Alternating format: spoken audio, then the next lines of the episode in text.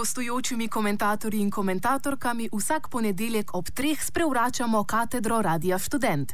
Premislimo izobraževanje pod katedrom. Policijsko nasilje nad študenti v Veliki Britaniji. Novembra so se v Londonu začeli protesti in okopaji na različnih področjih. Eden najbolj spornih zakonov, ki v postopku, bi kriminaliziral tudi državljane zaradi aktivnosti proti kraljestvu gre pravzaprav, da omejijo kakršne koli emancipatorne oblike ter aktivizem. Protestirali so tudi pred BBC hišo, ker ima zaradi notranje politike, ki so povezani z različnimi industrijami, veliko cenzure, naprimer glede okoljevarstva, podnebnih sprememb in climate campov. BBC tudi ne rad poroča o protestih, okupajih zaradi, v narekovajih, politične korektnosti. Nekaj drugega je presenetljivo v zadnjih aktivnostih od poprejšnjih okupajih in velikih protestih v letih 2010 in 2011. To je izredno povečana aktivnost policije in obveščevalnih služb. Vedno več skupin poroča o infiltraciji policistov, ki se preoblečajo v aktiviste in pridružijo skupini. Nekaj podobnega je bilo že poprej, ampak v tako velikem številu pa še ne. Drugo pa je, da policija preventivno prepreči že v začetku kakšen kemp, okupaj ali protest. Prejšnji teden so študenti zauzeli senat univerze v Londonu.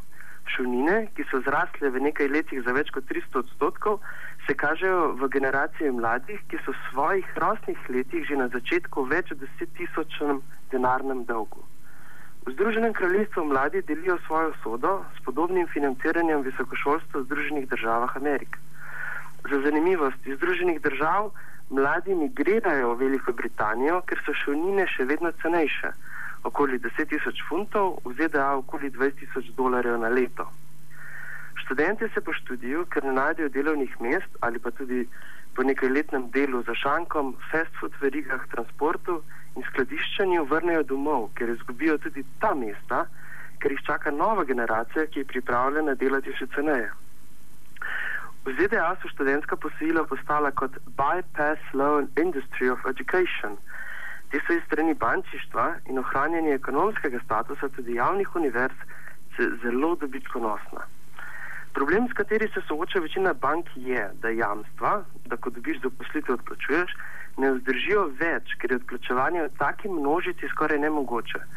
To so zagrabili republikanci, ki so s Tea Party in finančnimi inštitucijami v Wall Streetu povezani zahtevajo od predsednika Obame sprejetje nove zakonodaje, ki bi povečala obrestne mere študentskih posojil in da mora Obamova administracija ali z jamstvi ali kako drugače zagotoviti odplačevanje teh dolgov. Politika odgovarja mladim generacijam, da so sami krivi za ta dolg, ker so se tako odločili. Trenutno to raste v večji škandal, ki zaradi visokih obresti in finančne lukne raste v nov krizni mehurček. Študentski aktivizem, odpor, pa je v najhujših represivnih obdobjih. Mala starejša generacija, do 30, je že v 100 tisočih dolarskih dolgovih. In ko se borijo tako zadolženi ljudje, jim lahko samo čestitam in so lahko nam v podug tukaj v Evropi. V Veliki Britaniji, ko so zauzeli senat univerze v Londonu zaradi korupcije, nedemokratičnosti univerze, so se soočili s fizično represijo policistov, birokratov z orožjem, Okupacija se je razširila v stavko zaposlenih na univerzi in tudi k drugim zasedbam fakultet. Študenti se zauzemajo tudi za zaposlene, ker univerze planirajo ukinitev in prepoved visokošolskih sindikatov in združevanj, tudi predstavniških študentskih teles. Vodstvo univerze v Londonu je odgovorilo, da jih skrbi za varnost študentov ter možnih izgredov. Kot pravijo, navajam, mi bomo naredili vse, da se nikomor ne bo nič zgodilo, tudi protestnikom. Zato so poklicali policijo, ki so študentke in študente nasilno spravili ven. Te so organizirali potem protest pred policijo in pred univerzo na ulici. Kot poročajo iz spletnih omrežij, se je število policistov v civilni preobleki in tako uniformiranih vedno večalo. Kot kažejo posnetki iz spleta, so se policisti tudi fizično znašali nad mernimi protestniki, tako zelo, da so morali bežati. Aretirali so jih do sedaj že kar nekaj deset in število raste. Vodstvo univerze v Londonu je odgovorilo s takojšnjimi izključitvami iz univerze. Zadnji akt, ki je prazen, Bjanko, pa omogoča aretacije in takojšnji pripor za kogarkoli, ki protestira. Študenti in zaposleni, profesori, vse posod po Veliki Britaniji protestirajo in odgovarjajo na tako očitno sistemsko represijo nad študenti in mladimi. Študenti odgovarjajo z novimi združevanji in protesti. Odgovarjajo z naslednjimi slogami: No justice, no peace, fuck the police. Police protect the bosses. Shame on you, fuck the coppers. Cops off campus. Cops out, students in. Racist, murderers, violent scums. Uradni miti na začetku niso hoteli poročati, ampak v zadnjih nekaj dneh se akcije kar množijo in študenti dobivajo podporo pri ljudeh, profesorjih in širše. Privatizacija univerze, še posebej kakršna je bila v zadnjih nekaj letih, se kaže v Veliki Britaniji in ZDA za katastrofalno. Ne samo, da prilagoditev univerze za kapitalske interese ne učinkuje, ampak je prerasla v nov bančniški posel, ki na eni strani dela profit, pušča pa za sabo generacije zadolženih študentk in študentov. Dolg. Ne samo, da se mladi zaradi recesije in ekonomske neperspektivnosti spuščeni v marginalo, ampak za ohranjanje socialnega statusa univerz in mandarinov so vrženi v zadolženost. Teh dolgov pa ne bodo morali poplačati.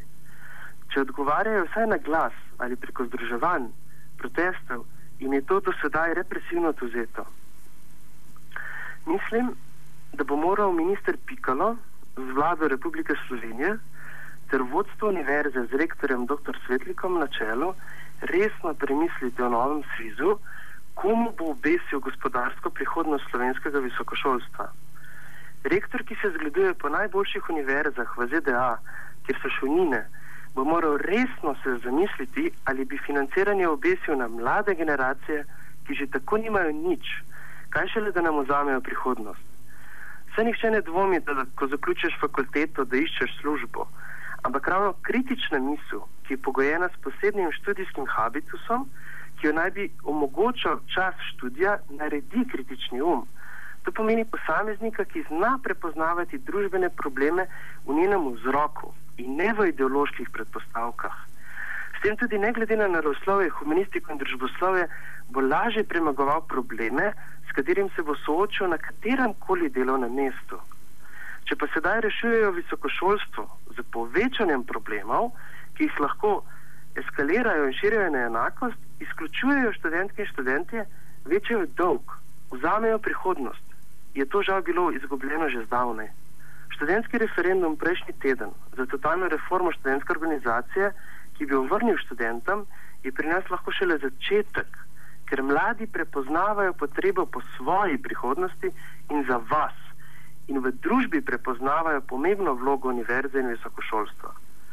Če se gre pa komu za gospodarske dobičke in kapital, pa naj že, če misli, da je tako sposoben, naj gre raje izboljšati gospodarski sektor, visokošolstvo pa vrne njegov smisel. To je, da se mladi lahko učijo, študirajo, da v svoji prihodnosti ne bodo ponavljali vaših napak. Komentar sem pripravil Miha Novak.